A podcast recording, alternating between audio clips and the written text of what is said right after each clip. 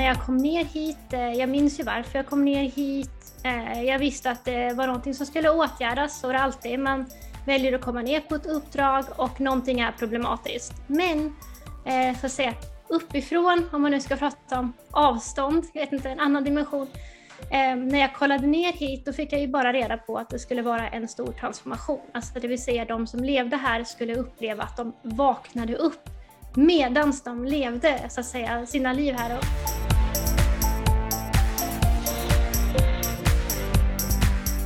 Välkommen till The Game Changers Podcast. En av Sveriges största poddar inom spiritualitet, personlig utveckling, holistisk hälsa och entreprenörskap. Här blandar vi humor med allvar och djup och garanterar att du höjer dina vibbar när du lyssnar på oss. Jessica Isegran är intuitiv coach och yoga och meditationslärare. Och Jenny Larsson är mental tränare, healer och djurkommunikatör. Häng gärna med oss på Instagram och i vårt magiska community på Patreon. Game Changers Community. Och stort tack för att just du är här och delar din fantastiska energi med oss. Hello och hett välkomna till The Game Changers Podcast. Sitter just nu i mitt meditationsrum och bredvid mig har jag Jenny, min fantastiska vän och poddkollega som inte ens får presentera sig själv här just nu. Hon är lite blyg och, och timid Jenny så att jag vill inte pressa henne Nej, till att göra någonting. Jag kan vänta. Hon kan vänta. Jenny, vill du säga hej till lyssnarna idag? Hej lyssnarna! Och vad heter du min kära vän? Sa jag inte det? Nej. Nej, jag heter Jessica Isegran. Yay! Yay! Och idag är det så roligt för vi har ju en spännande gäst, men först lite housekeeping. Vi vill ha ett par spännande saker som vi vill dela med er. Ja. Som ni absolut eh, får signa upp på om ni känner er inspirerade. Mm. Och det första är ju att vi har våran mässa den 12 november i Borås, utanför Borås, eh, Brännhults gård. Och vi har så många spännande utställare, Jenny. Vi är väl uppe i nästan 30. Och vi har healers, vi har eh, sådana som säljer kristaller, vi har medium, vi har människor som jobbar med hälsa, med bodycode bland annat. Va? Alltså man jobbar med helhetshälsa. Det är ju en mässa för kropp och själ. Ja. Bioresonans. Bioresonans. Blomsterdroppar. Blomsterdroppar har vi. Och vi har eh, alltså människor som jobbar med olika intressanta energier som plejadenergi. Alltså det finns allt spännande Ja. på den här mässan. Och så kommer vi vara där Och vi och är krama det! er. Och vi anordnar ju denna mässan tillsammans med fantastiska Therese på Therese helhetshälsa. Och Therese jobbar ju med bioresonans. Mm. Och det kommer vara många intressanta föreläsningar. Ja. Vi har fått in så många intressanta föreläsningar så vi ska nu liksom ehm, planera in det i schemat så att vi kan sätta detta. Så att Ja. ni, ni kan se vilka föreläsningar som, som kommer. Och vi kommer också föreläsa. Mm. Oss får ni träffa och lyssna på också. Mm. Så 11 till 17 den 12 november på Brännhults gård utanför Borås. Det kommer kosta 150 kronor att gå in och sen får du alla föreläsningar gratis. Och det kommer vara massa prova på-behandlingar och härliga eh, högvibrerande grejer man kan köpa, som sagt. Ja, och man kan också köpa fika. Mm. Eh, lätt- Lunch. lunch kan man köpa också. Mm. Finns veganskt och glutenfritt. Så att eh, planera Mm. in hela dagen där. Ja, tycker jag. Ja, det tycker jag med. Mm. Välkomna! Välkomna! Ja, och så har vi en sak till. Vi har ju fått bokat nu eh, en tredagars retreat. Vi har hållit några stycken, du och jag Jessica, och det har varit fantastiskt härliga energier. Eh, där vi kör yoga, vi kör eh, meditationer, samtal, och man kan boka enskilda behandlingar med oss. Det är i skogen vid en sjö, i Hällingsjö utanför Göteborg. Och alltså hela stället är magiskt. Och eh, man dansar ut därifrån Mm, efter tre dagar. Det är sån energipåfyllnad. Och alltid helt rätt eh, människor som kommer givetvis, som delar sina erfarenheter och det är väldigt stärkande och eh, boostande och ja, som en nystart i livet helt enkelt. Så att eh, vi länkar till detta här under och är du intresserad kan du höra av dig redan nu. Eh, platserna kommer nog fyllas på ganska snabbt. 10 Ja. till 12 mars. Ja, Mm. så eh, save the date och hör av dig. Och nu kurrar min mage jättemycket här. Men nu kommer vi släppa in Susanne och eh, jag lovar, har du inte hört talas om Susanne så kommer du bli så inspirerad. Du har massa spännande videos att gå igenom sen för den här kvinnan vill man veta mer om och ta del av hennes fantastiska kunskap och visdom. Ja. Varsågoda. Här kommer avsnittet. Varmt välkomna till ett nytt avsnitt av The Game Changers Podcast. Idag har vi en enormt spännande gäst med oss och vi ska inte riktigt avslöja vem du är ännu, men du slog ju igenom med buller och bång 2020 när du gästade kanalen Wake Up Glow på Youtube. Och vi hade en gemensam vän, Jenny och jag, som tipsade om dig de skrev, eller hon skrev så här, kolla in den här tjejen. Hon minns alla sina tidigare liv och ni borde ha henne som gäst i podden. Woohoo! Yes, och jag kan säga att det dröjde ett tag innan vi tittade på dig Susanne.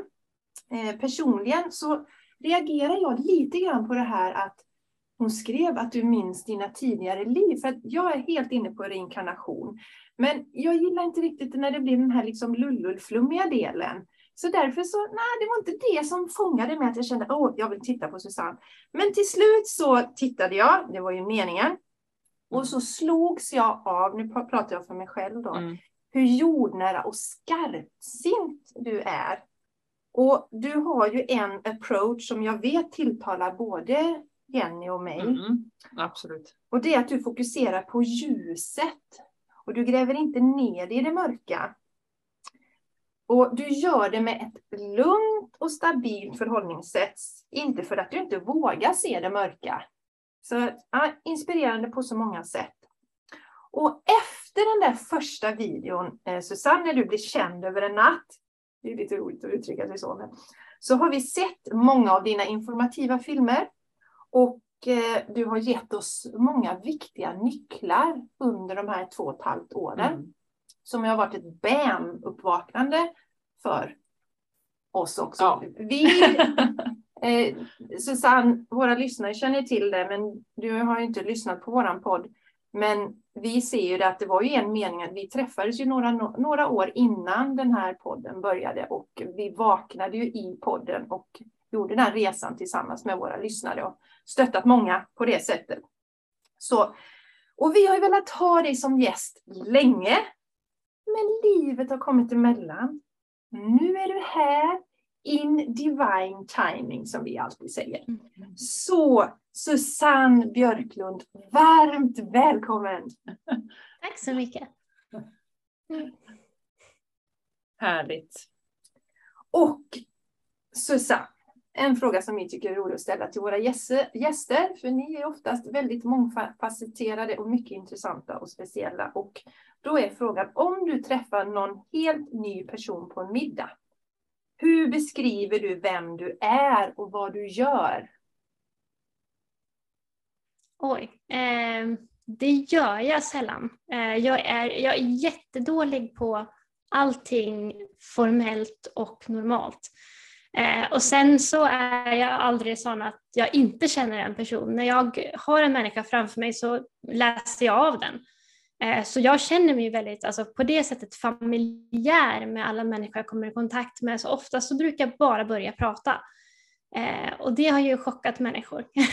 Speciellt när jag var innan i det mer internationella fältet och människor var så stolta över alla titlar. Eh, och jag förstod ju inte riktigt, alltså jag, jag brydde mig inte jättemycket vad olika titlar betydde så jag kallade alla vid första namn och det var ju också väldigt skandalaktigt. Men det kom sig inte ens för att gå hela den här vägen och bete sig på ett visst sätt. Alltså, jag hade till och med problem att lära mig liksom, man ska hälsa på ett visst sätt fick man lära sig när man var barn och så vidare. Jag hade problem med allt detta. Jag bara liksom bubblade på tänkte jag säga. Mm. Så jag, jag har nog inget, jag har inget normalt sätt. Nej, jag beskriver inte mig själv. Jag tycker det är jätte, jätte, jätte, jättekonstigt. Eh, För att oavsett om någon annan skulle beskriva sig för mig, det är, det är inte så att jag bokstavligt talat hade tagit dem på den beskrivningen. Jag hade fortfarande checkat in hur de är. Och det är nog väldigt sällan som vi någonsin presenterar oss själva på ett sätt som ja, ens lyckas fånga oss själva i ord. Men det skulle bli alltså, knäppt oavsett. Det kanske är hur en människa skämtar eller någonting som gör att man kommer i kontakt med en människa, vem den egentligen är. Och det finns det liksom inga ord för. Nej. Mm. Så alltså jag vet inte, skulle jag bli tvungen att säga någonting till någon som klipper mitt hår eller någonting, då säger jag väl om en, jag jobbar som livscoach eller någonting. Jag kommer väl inte dra hela liksom vad jag gör. Det är kanske lite svårt. Ja, eh, underbart. Eh, och nu är det så att som Jessica sa innan, alla vet ju inte kanske vem du är. Många har kanske koll på dig. Eh, och då kommer den lilla frågan Susanne här då. Hur skulle du, om du får säga då, använda de här orden som vi ändå har. Vad, hur skulle du liksom ta det viktigaste från din resa här på jorden till där du är idag och vad som har hänt liksom de senaste åren och ja, beskriva vad du har för uppdrag. Eh, ja, ingenting har väl egentligen ändrats. Eh, när jag kom ner hit, eh, jag minns ju varför jag kom ner hit. Eh, jag visste att det var någonting som skulle åtgärdas och det alltid man väljer att komma ner på ett uppdrag och någonting är problematiskt. Men eh, så att säga, uppifrån, om man nu ska prata om avstånd, jag vet inte, en annan dimension. Eh, när jag kollade ner hit då fick jag ju bara reda på att det skulle vara en stor transformation. Alltså det vill säga de som levde här skulle uppleva att de vaknade upp medan de levde så att säga, sina liv här. Och det är väldigt konstigt, det är väldigt onormalt. Det är inte så att livet har sin gilla gång utan det blir en stor, stor händelse i någons evolution och utveckling. Ehm, så det var det jag förstod innan och jag ville hjälpa till med det. Och sen så kom jag ner hit och sen så vart jag briefad och fick anpassa mig till hur det är här nere, vad det är som gäller här nere och vad som kommer hända här nere. Och huvuduppdraget är att människan är bortkopplad från sig själv. Och det går ut på att hjälpa henne att komma i kontakt med sig själv. And that's it. Det är liksom no interference otherwise. Och det är därför heller det händer inte några knäppheter här, alltså som att man leker galen professor uppifrån och går ner, nu ska vi operera bort det som är fel, utan det är på något sätt väldigt snällt just att alla som kommer hit ner för att hjälpa går ner hit precis som alla andra. Mm. Och sen så får man förstå relationerna, vad är det som har hänt här, vad är det som har gått snett, vad, vad har man liksom glömt bort eller var, varför är det som det är? Och allting handlar om relationer. Så basically kommer alla ner hit som relationscoacher, kom i kontakt med dig själv, kom i kontakt med andra och bilda fred och harmoni igen. För att din kropp ska vara frisk måste den vara i harmoni, allting handlar om harmonier.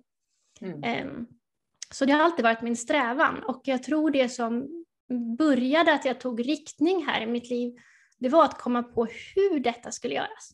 Eftersom jag har förklarat det i några av mina videos när jag kom ner hit, jag frågade okej, okay, vad är mina verktyg, vad är mitt team?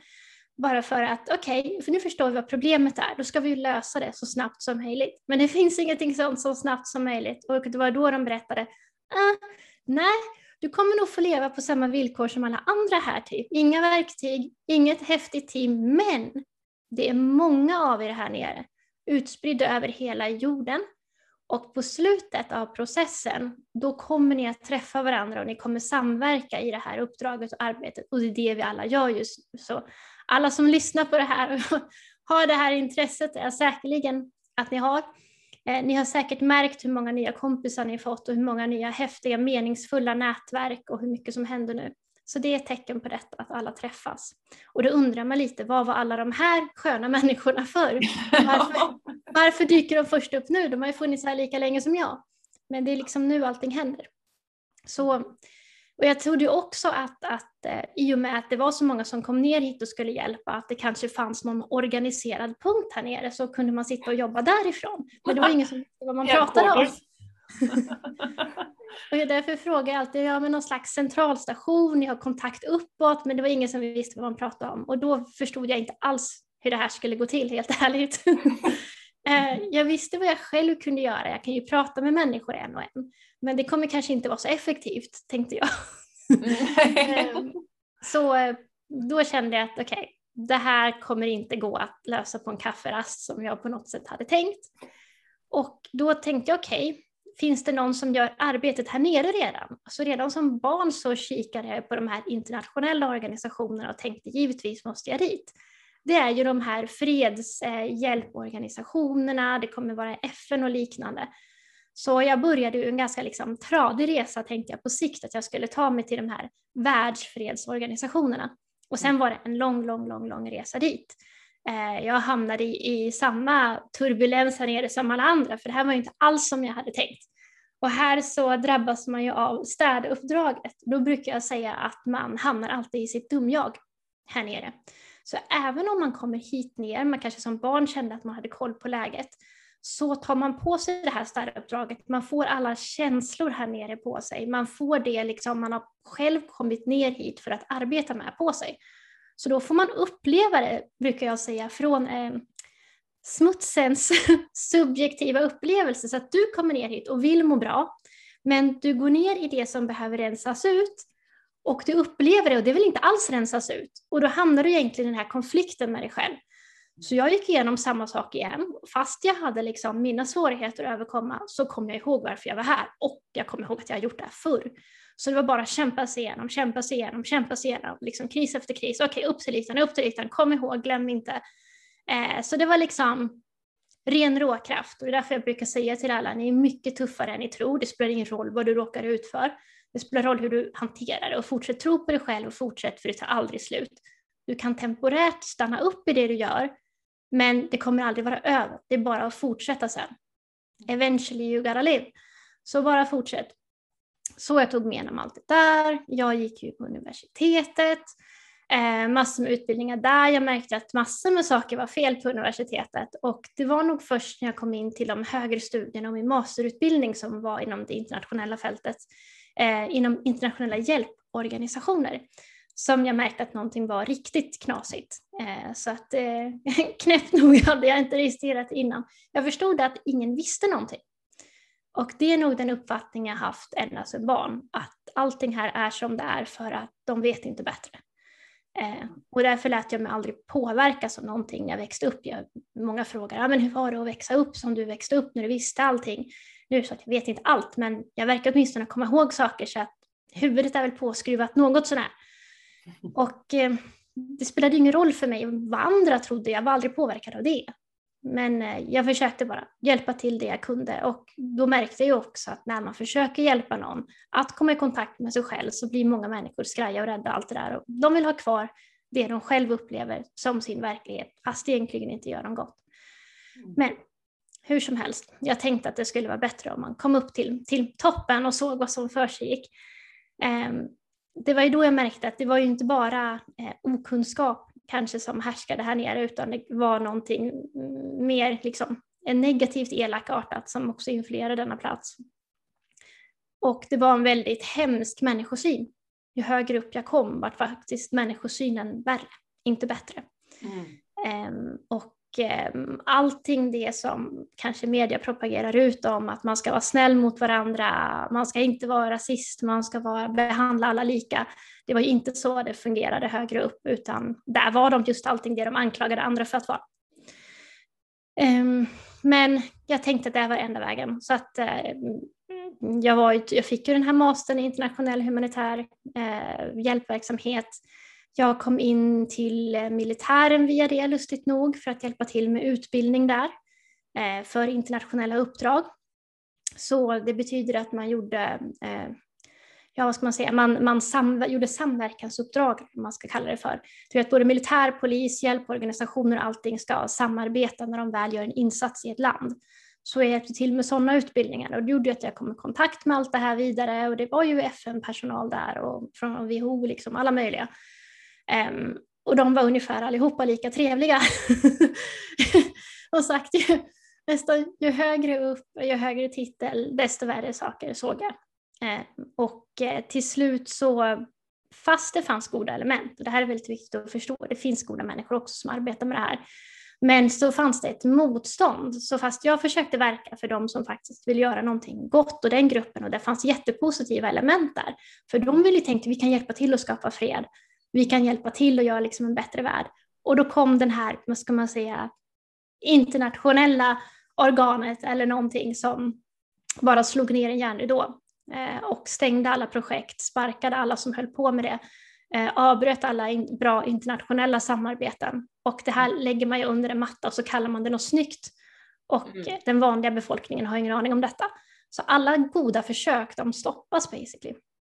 Mm. Ehm, så efter den omorganiseringen och liknande kunde inte jag komma tillbaka dit. Jag funderade på om jag skulle fortsätta gå in i det där träsket. Jag var en vända också på FBA, en svensk myndighet, som också håller på med så kallat internationella fredsuppbyggande arbeten. Vilket inte är vad de gör alls. Um, så jag fick den här insikten. Det var jättejobbigt att vara i de korridorerna för det tyckte jag var väldigt mörkt. Uh, och sen när det tog slut då kände jag okej, okay, nej det här får vara från gräsrotsnivå.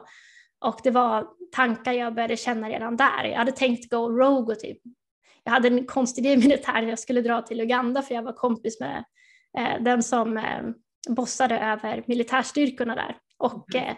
jag upplevde jättemycket positiva element från de afrikanska militärerna, att det var en helt annat tänk. De köpte inte alls de här stora internationella organisationerna. De förklarade hur varenda land hade förlorat sitt hjärta och, och de här så kallade fredsbevarande organisationerna gjorde det bara värre. Varför gjorde de inte bättre? Så att man skulle börjat liksom med gräsrotsnivå där och bara samverkat. För det fanns fantastiska samarbeten. Men jag misstänkte att det här får komma från folket. Det är nog mest skit det som är i toppen tyvärr.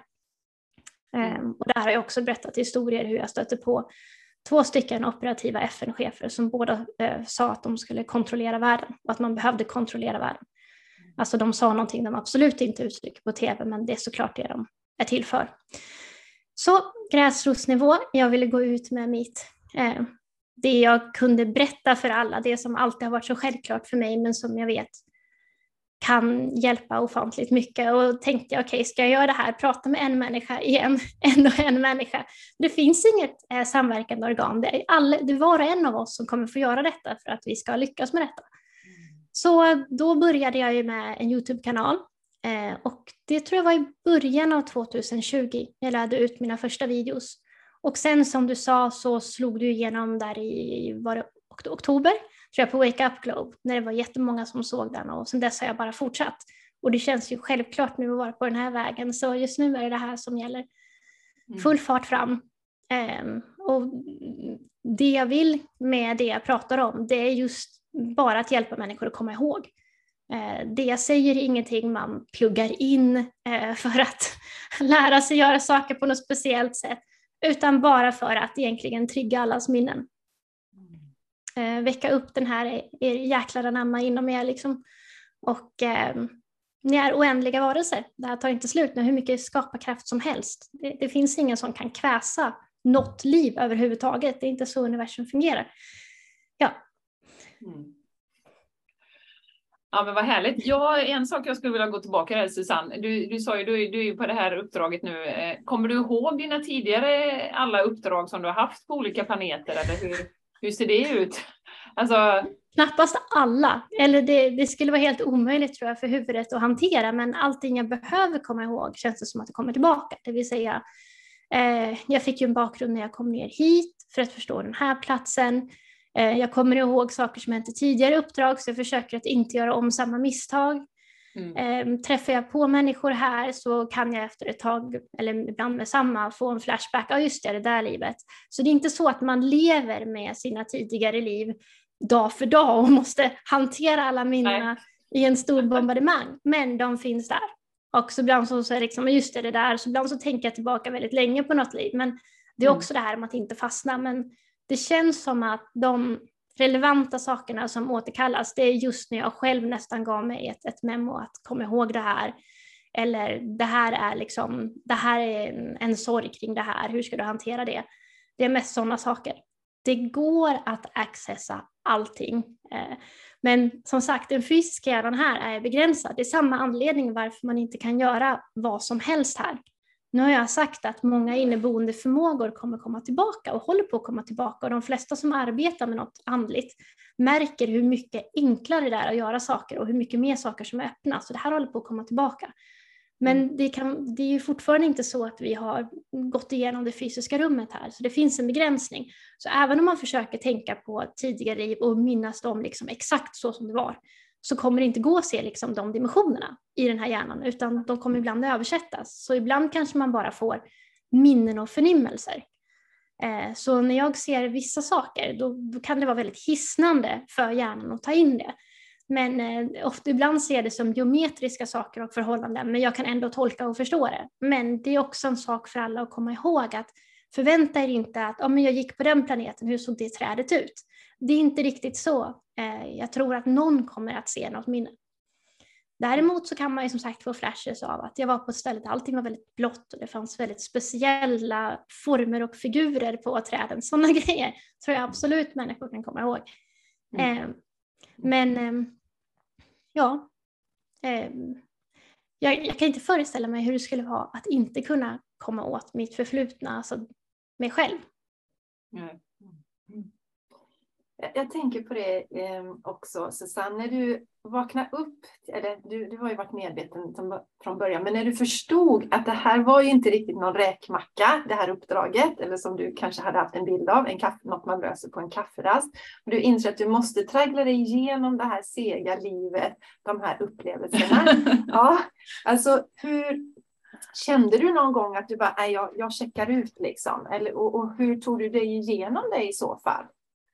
Ja, det är ju här det är bra att vara jävligt envis helt enkelt. Och jag tror att alla har en väldigt inneboende envishet om man bara gräver lite.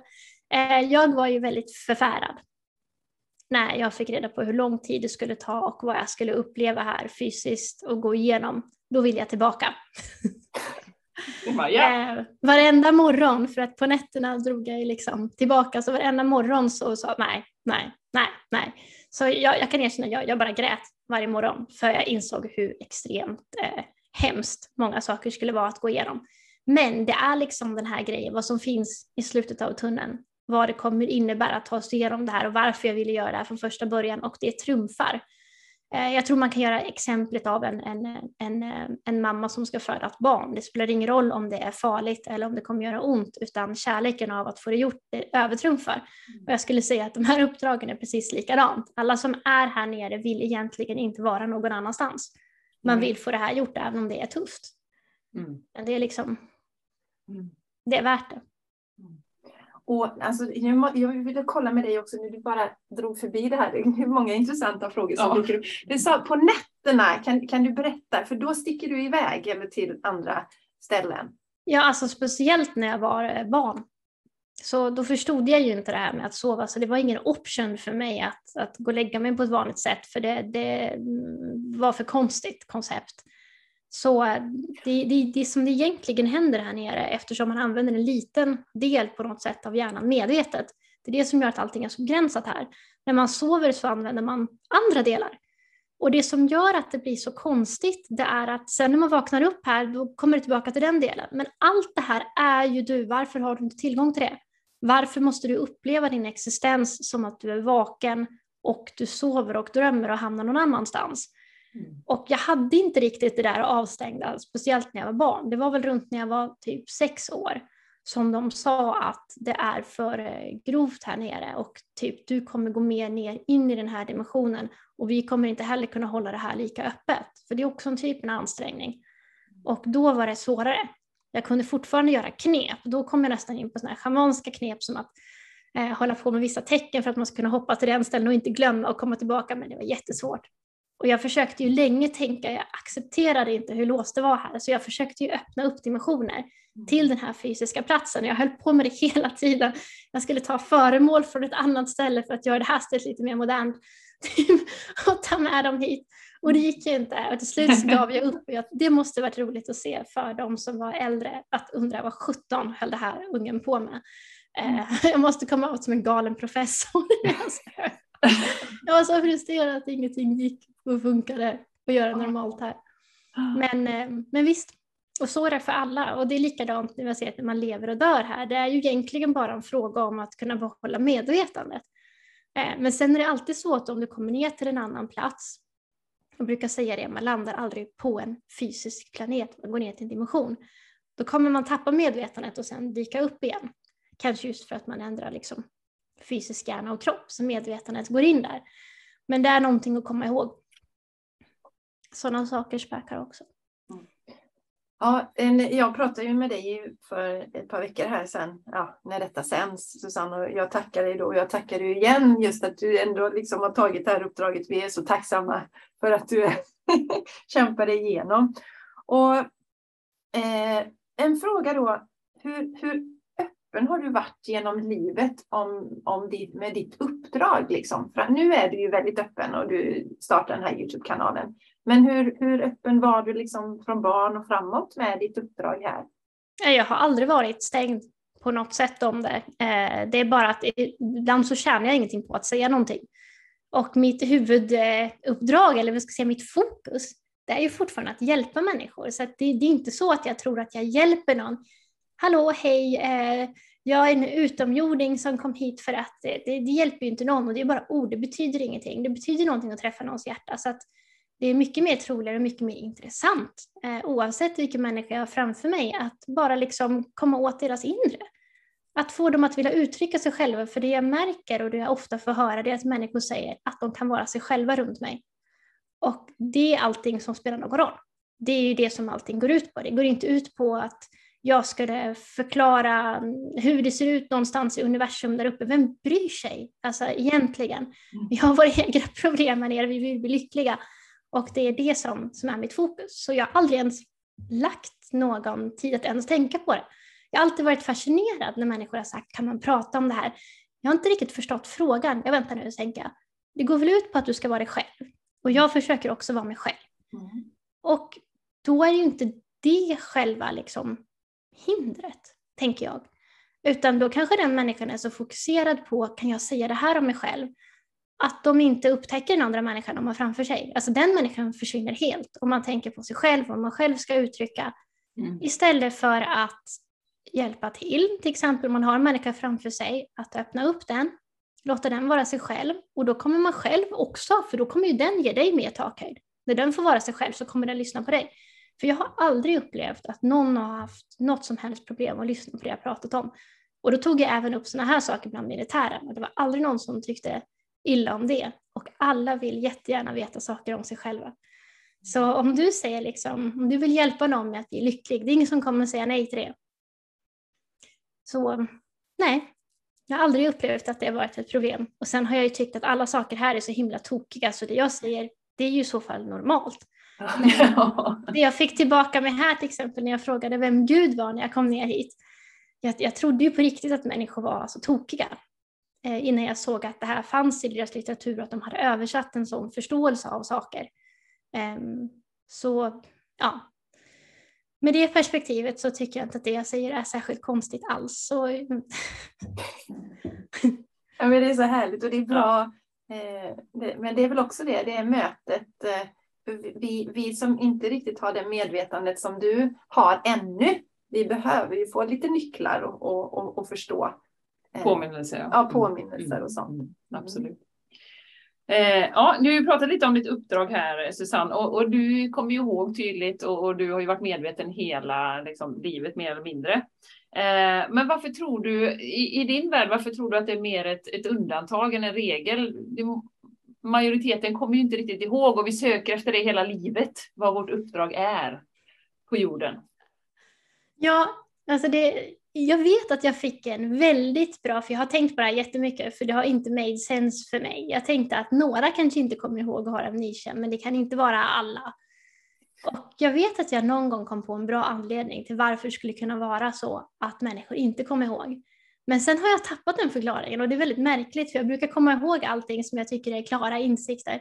Mm. Men det, det, är därför på något sätt eh, jag antingen säger att jag, jag är här. Eh, det är väldigt roligt att hjälpa till att få människor att komma ihåg vilka de är för det är egentligen ingen svår grej. Mm. Det, det, är nästan svårt för mig. Det, det, jag vet inte hur man ska beskriva det. Det är ju absolut inte svårt att komma åt sig själv egentligen, det är inte det. Det är vi själva som står i vägen för oss själva om vi inte kan se.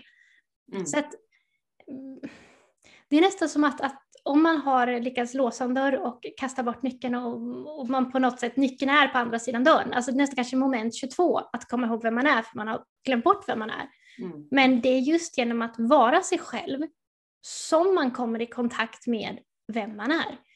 Och jag, jag, tror absolut inte att det är meningen att man ska ha sån här amnesia och inte komma ihåg någonting. Eh, och det förbryllar mig väldigt mycket och ibland undrar jag om det är enda som separerar mig från andra, för jag tycker inte alls att jag är speciellt märkvärdig. Jag ser mig mycket som en, en arbetare faktiskt där uppe.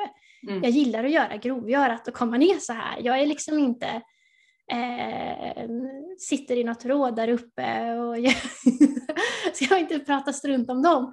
Men jag, eh, jag tycker mer om att göra grejer. Mm. Så, men jag kommer ihåg Eh, och det är svårt för mig att förstå hur det är att inte komma ihåg. Och jag skulle vilja säga att den största anledningen till varför jag kommer ihåg det är för att jag, jag skulle inte kunna stå ut med tanken på att svika mig själv eller inte tro på mig själv. Jag har den respekten antar jag för mig själv. Jag älskar mig själv så pass mycket. Jag brukar alltid säga att jag gör misstag, alla gör misstag, men jag står för dem. Så vad jag än har gjort så säger jag alltid jag tar ansvar för det. Och ibland så springer jag iväg och gör knäppa grejer liksom. Och jag säger alltid, jag tar ansvar för det. Och mm. jag vet att det bara är upp till mig och då kommer jag också göra rätt för mig. Men jag låter inte någon ta det ifrån mig. Eh, jag skulle aldrig gå med på att någon sa som en grej att du får inte komma ihåg. Alltså jag, jag vet inte, jag skulle, jag skulle inte köpa det av någon anledning, if that makes sense. Mm. För att livet och den koppling du själv har till, till Gud, till dig själv, älskar dig och är allting. Du är allting och du har tillåtelse till allting. Det är ingen som kan bestämma över dig. Det är alltid du som gör ditt val. Även om någon hotar dig eller skrämmer dig eller säger att de har rätt att bestämma över dig så stämmer inte det. Och det är väldigt viktigt att komma ihåg. Det är alltid du som väljer din respons. Och det här är någonting som är allas heliga rätt.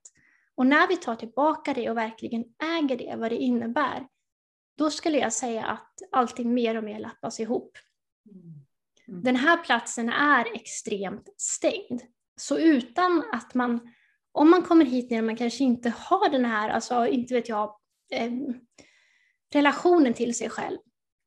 Och man kommer ner hit och bara förlitar sig på kapaciteten till det verktyg man får här nere, då kommer man inte komma ihåg. För här är det stängt. Här mm. finns det ingen koppling till någonting annat. Här kan man känna sig ensam, här kan man känna sig nedstigen i mörkret. Så att få tillbaka den relationen, det är liksom vad allting här handlar om. Mm. Så att det, det, det, det är meningen att alla ska komma ihåg. Jag är helt övertygad om att det kommer komma tillbaka nu när allting öppnas upp. Mm. Men det, det är väl det som är lite fascinerande. Jag vet att när jag kollade på det här uppdraget och innan jag skulle ner, då försökte jag förstå varför är det här en så stor händelse för dem? Ja. Jag hade inte riktigt förstått då att det är för att människan är bortkopplad. Det enda jag såg det var att varelserna som är här nere kommer uppleva att de vaknar upp till ett nytt tillstånd. Och då tänkte jag, okej, okay, men var är de nu? Ja. vad är det här högre de vaknar upp till? För livet är ju överallt och det är många äventyr och så, men vad vaknar man upp till? Mm. Men då blir det ju väldigt, eh, ja, kanske enklare att förstå om alla inte har tillgång till sig själva alls och inte kommer ihåg vilka de är, att det blir en enorm skillnad. Ja, Susanne, det här med att bestämma. Du, du har, säger det, har jag hört några gånger, att när vi, när vi kommer hit, eh, barn vet att det inte är någon som bestämmer över oss. Mm. Det är ingen annan, men man ser att okej, okay, mamma och pappa blir glada om jag gör så och då, då gör jag på det sättet. Mm. Och, och, det är så härligt när man har små barn. Det tycker jag, för det, det får man ju höra många gånger. Du bestämmer inte över mig! Och, eh, och, ja. Ehm, och, och det nu när jag har blivit mer vaken och medveten, jag har ju en åttaåring som säger det emellanåt. Och eh, då brukar jag säga, nej det gör jag faktiskt inte, jag bestämmer inte över dig. Och så har vi en dialog istället då när han har upplevt att jag har liksom kört mm. över honom på något sätt. Då. Mm. Så, så det är också jättespännande. Mm. mm. Att, eh, för det ser man ju hos de där Sen det, det infogar vi oss i systemet. Ja. ja. Och det tänkte jag på när du pratade också Susanne, att eh, eh systemet eh, som vi kommer ner i här är ju väldigt uppriggat för att vi inte ska ha kontakt med oss själva. Vi ska mm. distraheras av tv, jobb, vi ska liksom göra saker hela tiden, aktiviteter, så att vi inte hinner reflektera. Mm. Så hel, allting är ju riggat för att om vi hade den där lilla kontakten när vi var barn, sen så liksom läggs det på massa våta filtar och till slut så är ljuset mm. helt släckt liksom i det här och så hamnar vi i systemet då. Eh, och det förstår jag, det var svårt för dig att se, liksom, men, men allting är ju riggat för att vi inte ska liksom, in. Mm. Så att man behöver ju vara eh, väldigt stark. Men jag är så eh, spänd också på det här med Eh, som du säger nu, du pratar ju här nu om att, att nu är det uppvaknandet som, som gäller, liksom, det kommer hända. Eh, hur ser du den processen framåt? Liksom, kommer det liksom alla på en gång eller kommer det vara som en liten eh, våg som går ut eller hur, vad, vad händer liksom? Eller vad är Nej, det, I mångt och mycket så är det pö om pö. Alltså, det handlar om att eh, helt enkelt, ska man säga, jag brukar alltid börja med att förklara att mörkret och ljuset kommer gå skilda vägar. Och det är väldigt viktigt att förstå vad, vad själva processen går ut på. Mm. Eh, utsidan kommer te sig helt mörk, eh, den kommer vara alltså väldigt kontrollerande, väldigt antiliv, inte kreativ och allt det där. Till slut kommer den inte kunna upprätthålla liv. Och den kommer vara helt stängd. Och då vet jag att många har tänkt, shit, eh, vad händer då om utsidan blir helt stängd? Eh, hur ska vi kunna bli fria och bejaka oss själva? Jo, det är för att ljuset kommer inifrån. Eh, och det är en annan dimension. Det betyder att det här håller på att öppnas upp igen. Eh, det vill säga att när du använder till exempel dina healingförmågor och när vi gör våra speciella saker, då är inte vi beroende av utsidans restriktioner eller kontrollsystem. Och mm. det här kommer alltså växa och bli enormt mycket större. Så det blir den världen vi går ut i. Så att det andra spelar ingen roll. Om de lägger upp sina restriktionsband och jag kan gå igenom en vägg tänkte jag säga, men jag är inte berörd av det, Nej. då finns det ingenting de kan lägga locket på längre. Nej. Så det som händer är snarare att utsidan går åt sitt håll och det som vaknar upp går åt sitt håll. Och när ljuset kommer inifrån så betyder det också att vi börjar skapa upp det vi själva ska ha. Så vi bygger på något sätt den nya världen genom vårt eget uppvaknande. Mm. Eh, så det är det som jag har blivit införstådd med och kan se och jag kan förstå att det kommer upplevas åt det hållet. Eh, mm. precis som att det här steg nu för steg varje år så håller vi på och sätter oss i kontakt med det här. Det betyder att nu, det här året är det väldigt mycket fokus på att rensa bort blockeringar till exempel. Högre energierna kommer ner så kollar den på vad vi har saker som fortfarande är fast. Så vi vill ha bort de sakerna. Så att det, och det här har ingenting att göra med, med utsidan saboterar, det här har faktiskt att göra med våra egna begär. Det vill säga vi vill fortfarande ha någonting från det system vi varit kopplade till, även om det faktiskt inte är bra för oss eller varandra. Det är ett själviskt system. Så det handlar om, är jag villig att släppa taget om det här? För det är det som möjliggör att det andra går fortare och fortare. För ju svårare vi har att släppa taget om, desto mer vånda och ångest i den här processen. För att det är vi själva som har svårt att släppa taget. Sen kommer det gå väldigt fort. Eh, och eh, sen så har jag, jag bara lite osäker om, om vissa kommer uppleva det som att man nästan typ blundar till och det verkligen är eh, puff ute och du kan inte ens se det andra längre. Om det kommer ske en sån knäpp grej i det alla eller om det sker gradvis. Det är jag mm. själv faktiskt osäker på. För att jag, det har jag bara visats här en gång. För jag har redan från början försökt, hur ska människor uppleva det här? Det kommer bli som verkligen science fiction-världen här nere. Men sen har jag alltid tänkt, förmodligen kommer det vara ungefär som när man går in i en dröm. Det är ungefär så det kommer upplevas, för det är det, de dimensioner jag går in i här, till exempel när jag sover härifrån. Så den gången eh, när jag fick se det rent, inte vet jag, fysiskt, det skulle porträtteras för mig på något sätt, då såg det ut som att alltså, himlen imploderade och jorden imploderade och, och till slut så upplöstes den egna kroppen, vilket var lite otäckt och knäppt. Eh, och det löstes upp dina egna personliga minnen och den du var. Allting här försvann och du blundade och sen så kom du till nästa plats och så var du välkommen. Eh, och det makes sense, för den här platsen vet jag kommer att försvinna. Den här platsen finns inte kvar för någon. Så det här är ju bara en, som jag kallar det för, en tredje subnivån till en mardrömsnivå. Jag har aldrig upplevt den här platsen som verklig. Men den är ett resultat av den nuvarande relationen du har till livet. Så när de parametrarna förändras, då försvinner även denna plats. Så det är inte så, åh, jordens undergång, jorden går under. Nej, nej, alltså jorden är inte fara, ingen panik, utan nej, du kommer inte längre vara instängd i den här eh, mardrömmen som du håller på att springa i cirklar just nu, utan det håller på att expandera ut. Så hur knäppt det än låter så brukar jag säga att eh, det är bara att kolla på utsidan, hur knäppt den har blivit. Det borde Mm. få de flesta som fortfarande tycker att men kan det verkligen bli så? Kolla hur overkligt det har blivit nu. Det här är processen in its making. Utsidan kommer att bli ett enda globalt, alltså förtryckande kontrollsystem, alltså mörker. Det vi kallar mörker, det som inte är liv, det som är motsatsen till liv. Medan människor vaknar upp. Det är precis där vi är. Så jag skulle säga bara håll i hatten och var i din egen process. Och Mm. bry dig mindre och mindre om utsidan. Alltså gå in i det som du själv kommer in i automatiskt, det du själv ska rensa ut. Du ska inte undvika det du är rädd för, utan du ska gå in i det, men du ska se det som en utrensningsgrej. Och du ska anamma när den här högre energin kommer in i dig. Du kommer känna mer kärlek, synkronicitet. Ta vara på den och, och rid på den vågen. Det är dit du ska. Mm.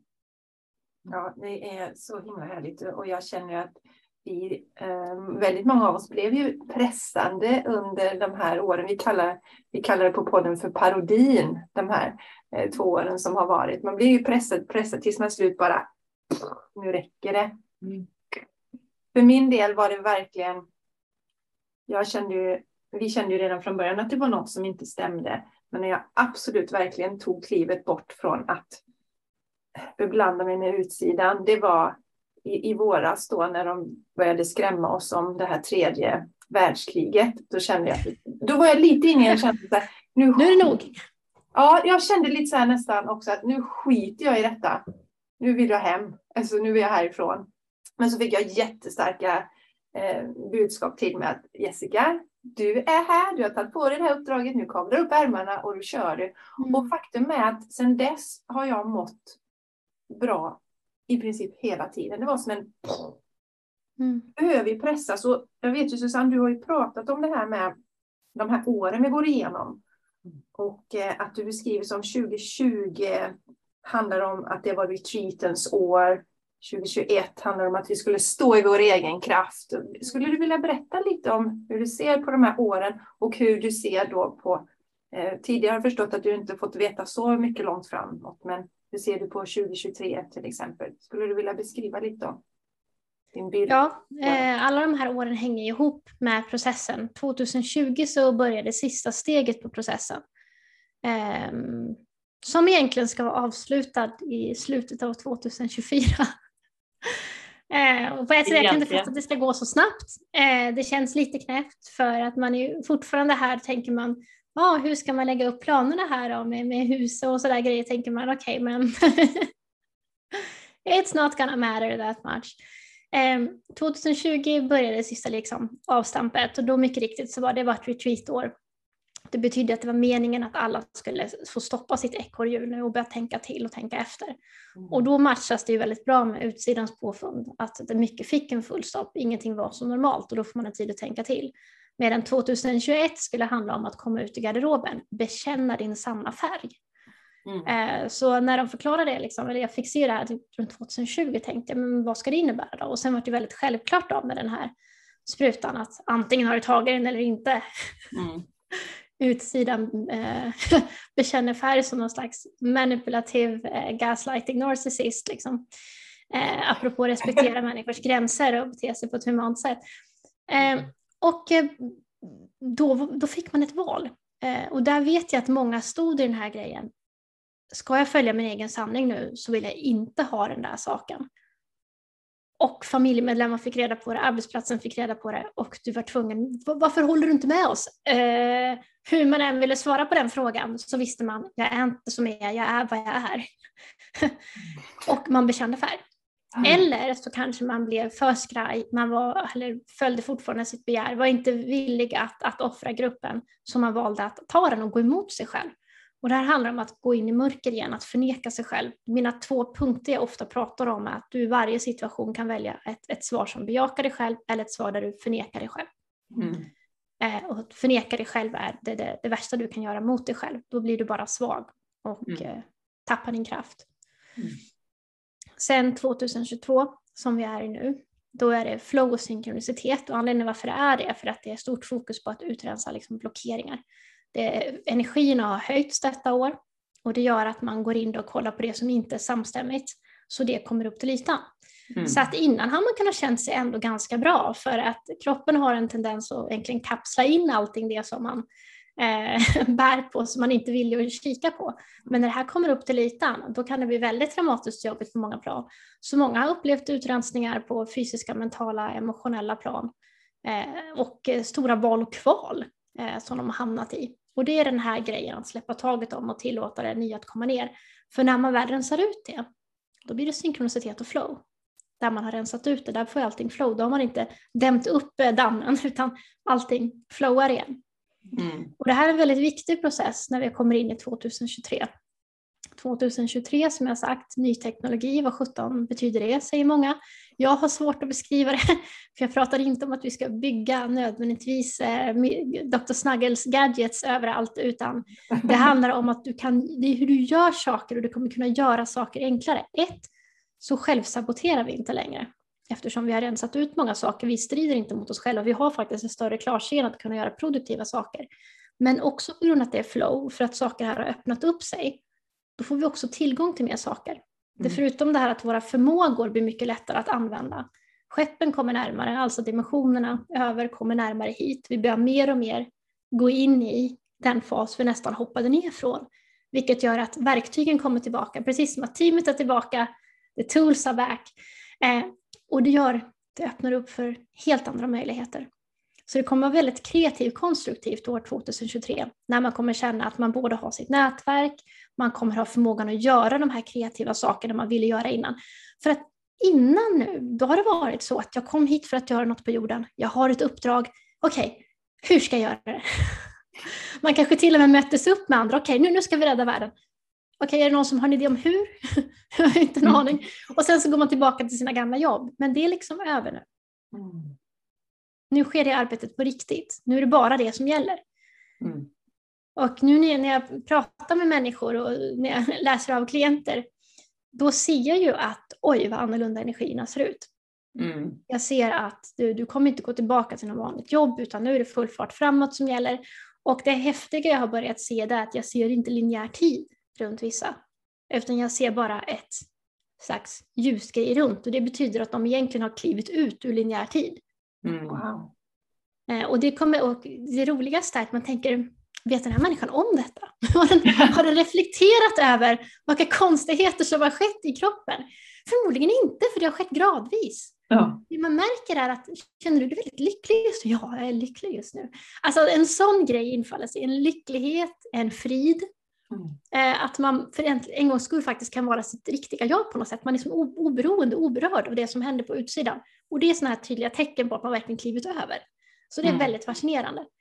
Eh, så det här kommer ju vara eh, väldigt, väldigt signifikativt 2023. Och jag skulle också säga för att skeppen kommer närmare.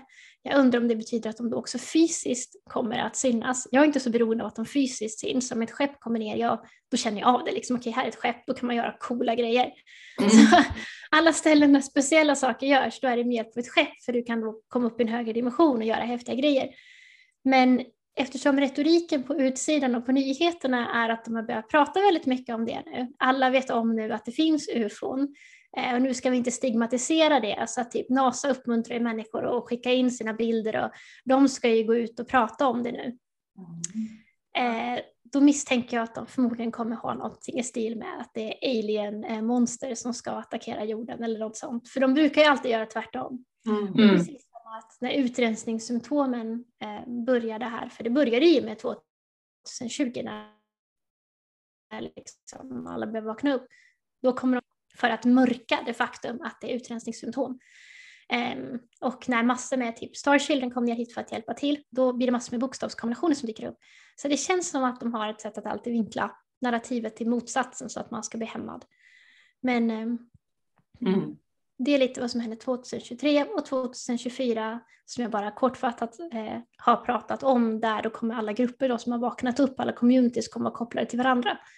Och detta tycker jag är ganska självklart tecken på att det faktiskt har öppnats upp så mycket så att de yttre restriktionerna till exempel, de spelar ingen roll. För att vi verkar redan på ett annat plan.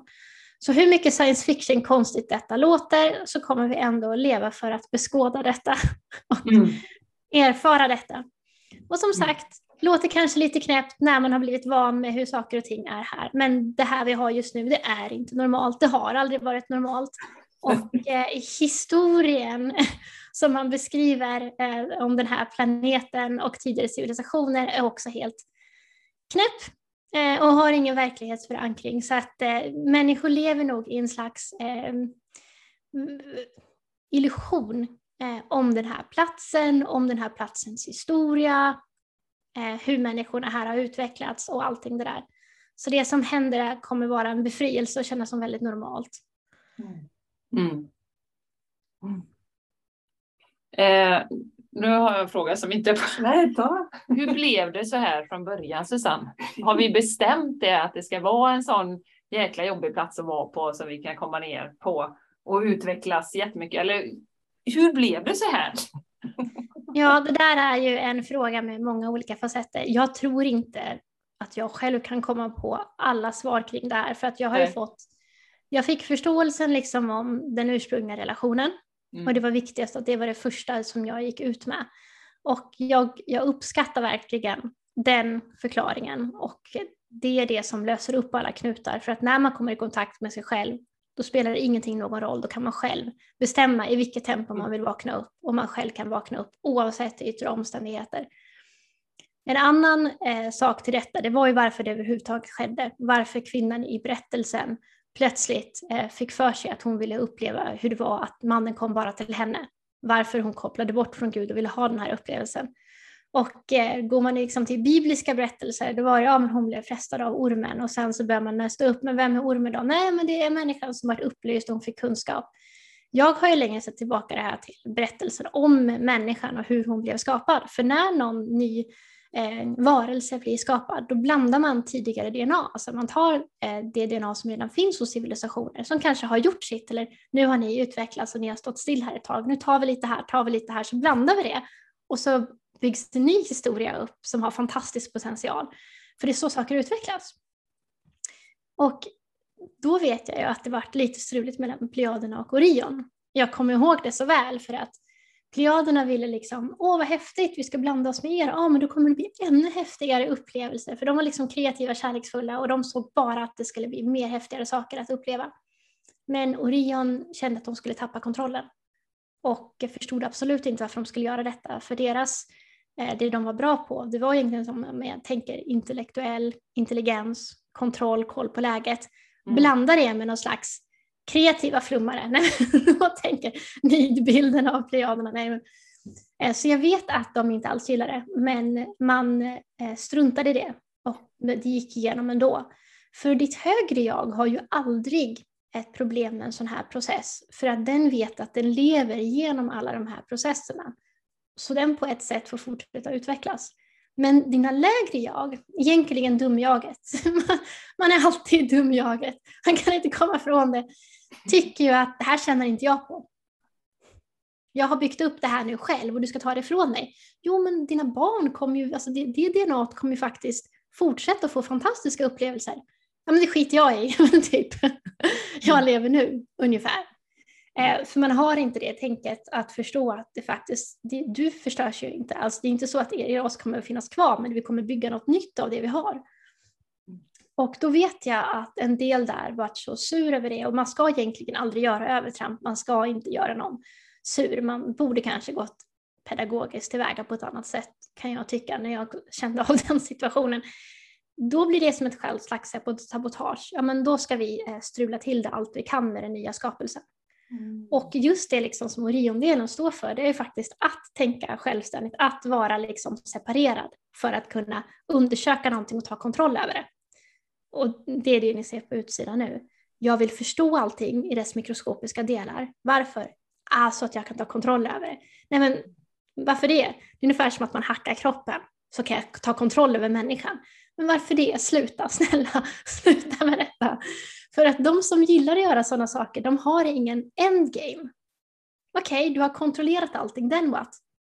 Får jag väl leta någon annan cool grej som jag kan ta isär och kontrollera? Ungefär som ett barn som plockar isär en klocka, hur fungerar den här? Alltså, det, det kanske inte finns någon smart idé med att göra så, men eh, det, det, finns ju i DNA. Så att det går in som en separation som också får då eh, människan att vilja separera sig och uppleva saker från ett personligt plan. Så det, det, då kan man inte heller säga att ja, men det är negativt. Nej, vi gick ju med på att blanda de här sakerna. För till slut, efter mycket himla om och men, kommer det faktiskt leda till en jättefantastisk skapelse som inte har så mycket problem och dramatik som vi har nu kanske. Men det är också vägen dit som är en del av, av hela äventyret. Så jag har alltid sett det som att när alla de här processerna är klara, då har de här kommit sams och blivit den här nästa sak som inte föräldrarna var. Barnet har överkommit, har liksom kommit till en till förståelsegrad. För att det här är ju livets fantastiska förmåga att bli medvetet och uppleva saker medvetet. Som man inte gör när man bara är allting det som är, när vi är bröder och systrar i den här sprakande grejen. Men att gå ner så här och få uppleva det, det är superhäftigt. Så jag har sett det när jag har kollat ut i universum gång på gång när nya skapelser sker, att det är som en kärlekshistoria. Och när den kärlekshistorien verkligen liksom har till slut mognat till, ebbats ut, då bildas en ny. Så att det är liksom nästan det som håller livet gående. Mm. Så det har jag sett som en stor anledning till varför vi upplever saker här som vi gör. Och sen så finns det också med en hint av eh, missbruk av teknologi eh, som har spelat in en roll. Eh, det vill säga att någon har en, en cool teknologisk produkt och andra vill ha del av den och sen så missbrukar de den, som kanske ofta är fallet om man inte har liksom utvecklat den själv. Och i det missbruket så vet jag att många raser föll. Och då är det som att du verkligen kommer ner i dimensioner. För att det är inte så att det är någon som är polis där uppe, du bryter mot lagen, nu ska du bestraffas, utan det är mer att mm. om du gör någonting väldigt korkat så blir det konsekvenser av det. Mm. Och här så gjorde man något fel och missbrukade de teknologierna man hade till hands, vilket på något sätt öppnade upp en reva till en dimension som kan vara väldigt svår att förstå vad sjutton det är för någonting som jag upplever är kärnan av detta antiliv som spyr ut sin kraft nu. Så därför har jag själv undrat lite om det är, liksom, om det delar av, av Orion och kontrollsystemet som bara spelas upp i vårt DNA, men om det också har att göra med eh, missbruket av teknologin som vi försöker lösa och lappa ihop. Och det behöver man hjälp med utifrån, det kan inte människan själv hantera. Eh, och jag har ju sett sådana eh, uppdragsinterventions också, även om mitt fokus här bara är på att hjälpa människan att komma ihåg sig själv, för då kan du bekämpa vad som helst. Till och med tänkte jag säga monster från underjorden, men det spelar ingen roll vad det är, för att lagen är helig. Alla står under lagen. Så mm. det, det, är liksom, eh, det värsta som kan hända oavsett i turbulens, det gör inte fortfarande att du går isär. Du kan alltid ta tillbaka dig själv. Så mm. Därför har jag tyckt att det har varit det vettigaste fokuset, så jag är glad i min arbetsuppgift. Men jag vet att det finns andra som jobbar med det, så där var jag medveten om att något sånt har hänt också. Mm.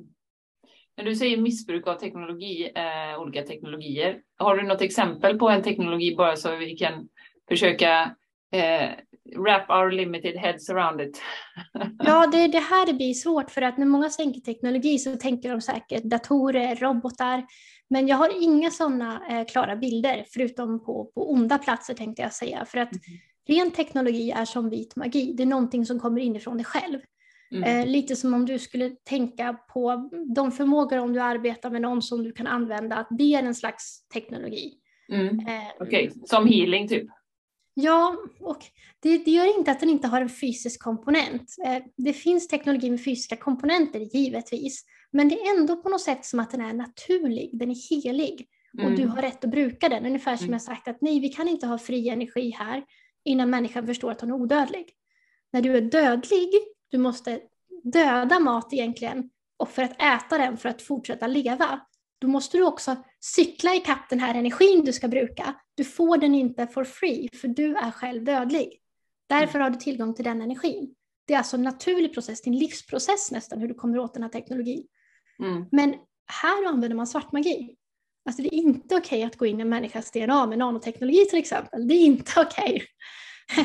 Om du själv inte kan nå det liksom inifrån din egen kropp så att du tar ansvar för hela din process i en helhet, då är det inte okej okay, för det blir missbruk. Mm. Um, och på något sätt här, det var inte frågan om sån teknologi, men det som missbrukades var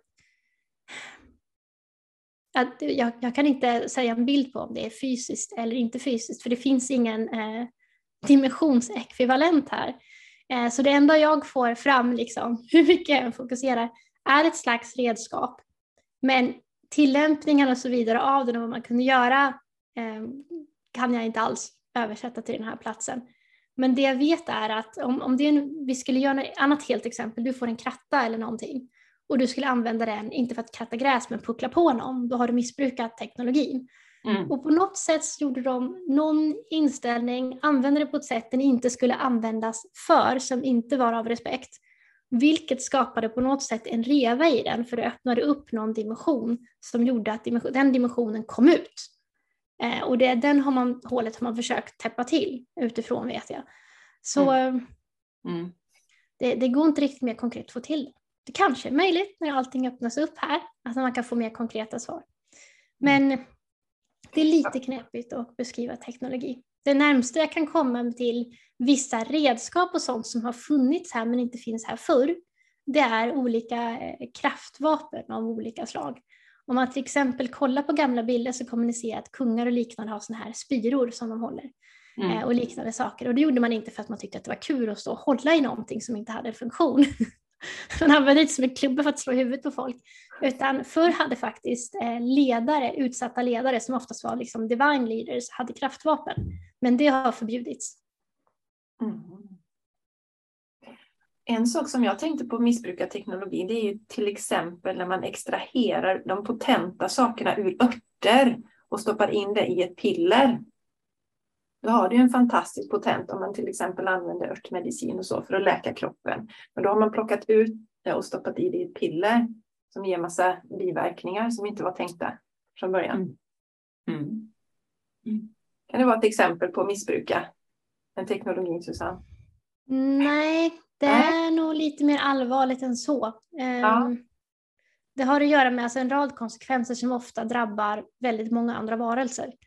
Eh, och alltså på något sätt på andra dimensioner så är man mycket mer medveten om konsekvenserna av sina handlingar. Det vill säga, gör man någonting så får det en viss och viss effekt på det här och det här och det här. Och man ser de effekterna. Men här, då är det nästan som att, att eh, alla går omkring och gör fel och är inte medvetna om att de gör fel och blir på det sättet skyldiga och drar på sig eh, enorma konsekvenser av att de gör fel utan att de förstår det. Så att när någonting händer tänker man åh jag var drabbad av det här men man förstår inte att det är man själv som har gjort någonting som har lett till de mm. konsekvenserna. Mm. Det, det, är liksom ett annat koncept på andra plan om vad man är skyldig till, alltså vad man gör. Alltså, och här är det liksom helt, här är helt liksom avstängt, här är det helt missförstått. Mm. Så det är svårt att prata om sådana här grejer. Det här är också en av anledningarna varför jag inte pratar särskilt mycket om sådana här saker. Mm. Eh, jag fokuserar bara på i stort sett att få hjälpa människan att komma i kontakt med sig själv. För alla de stegen är också vad som gör att det andra blir mer begripligt på det plan som det behöver vara begripligt på, på det plan man behöver förstå det. För att annars så kommer de, de lösryckta sakerna som jag försöker förklara från andra platser tolkas i fel koncept. Det kommer tolkas utifrån här och nu. Mm. Och då blir det liksom fel. Mm. Och då fastnar man i det. Är vi kvar i det här som du pratade om Jenny, att vi hela tiden ska hålla på och sysselsätta oss med konstiga saker istället ja. för att göra det viktigaste. Det stämmer. Förstå vilka vi är mm. och älska oss själva. Så, så Exakt. vi ska inte trilla ner i de där. Nej. Det har vi Exakt. också lärt oss under den här resan. Ja. Men ibland tar ju nyfikenheten över. Ja, men det det. Nej men det där, det där är jättevanligt och jag skulle säga att det bottnar i en vilja tror jag för människan att bara komma härifrån. Eh, och på något sätt tro att alla, någon gång kommer någon av de här svaren lösa någonting. När jag vet att det är Illuminati på utsidan som styr eller om jag skulle få reda på att jorden var platt och inte rund eller om jag skulle få reda på vad de där planeterna där borta heter eller hur de där varelserna ser ut, då, då har jag någonting. Det påverkar ju inte ett dyft.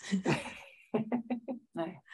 Nej, men det, det var ju mycket kaninhål och, och grotta ner sig under de här parodiåren, eh, som man kallar det, eh, som lärde mig till slut att nej, det där ska jag inte ägna mig åt, utan mm. jag ska ägna mig åt att ta hand om mig själv istället. Men det är ju också en process. Ja. Att komma dit så ja. behöver du gå igenom jag de sakerna. Jag behövde vara nere i de där och upptäcka. Du behövde ju det. Det mådde jag inte bra av Nej, att vara precis. i det. Mm. Mm. Så det, det tjänar ju sitt syfte också att gå igenom det och förstå att till slut är det bara jag här och min relation med mig själv som är viktig. Men det tar ju, det är ju en olika process för olika människor givetvis, men, eh, men eh, eh, den här tacksamma två, tre senaste åren har ju gett många en, den insikten, just mm. den att okej, okay, jag kan inte lita på det yttre. Jag menar för tre år sedan så var jag ju, jag var ju hyfsat liksom med på vad som hände men jag har ju verkligen förstått nu att det går inte att lita på det yttre. Någon Nej. gång, aldrig. Det är ingen som tar hand om mig, det är jag som gör det. Mm. Nej, och med, och med det paketet så kommer en del uppvaknanden på köpet. Mm. För när man då inser att herregud, utsidan är liksom galen och vill mig inte väl. Mm. Eh, då börjar man liksom tänka tillbaka på alla år man har lyssnat på den. Ja. Och om det här är resultatet, att den alltid velat mig illa, då har allting den har tutat i mig och sagt till mig innan inte heller varit sant. Vad är då sant istället? Mm. Mm. För att om man först nu märker av censuren, då bör man betänka att censuren har funnits där hela tiden. Ja, ja, så hur, hur många gånger har ni på film eh, sett porträttering av positiva interdimensionella varelser? Ja, Aldrig. Nej. det var väl i, var väl ganska... Det var väl fysiska, hemska rymdmonster som kommer ner. Eller hur? Ja. Och när, vad heter det nu, karaktärer i en film ska använda sig, de ska försöka säga positiv energi, då är det aldrig en referens till Gud. Att de får kraft från Gud. Eller att de får kraft från sitt högre jag. Mm. Utan det är alltid någonting som bara finns på det här planet. Så censuren har funnits där en lång, lång, lång tid. Mm. Mm. Så att man inte ens tänker på det längre. Och det är såklart meningen. De vill absolut inte att man kommer på vad som är det riktiga naturliga. Mm. Fast så många människor själv tillämpar saker som mitt högre jag, min kontakt med Gud, de högre energierna. Varför porträtteras det aldrig på film? Mm.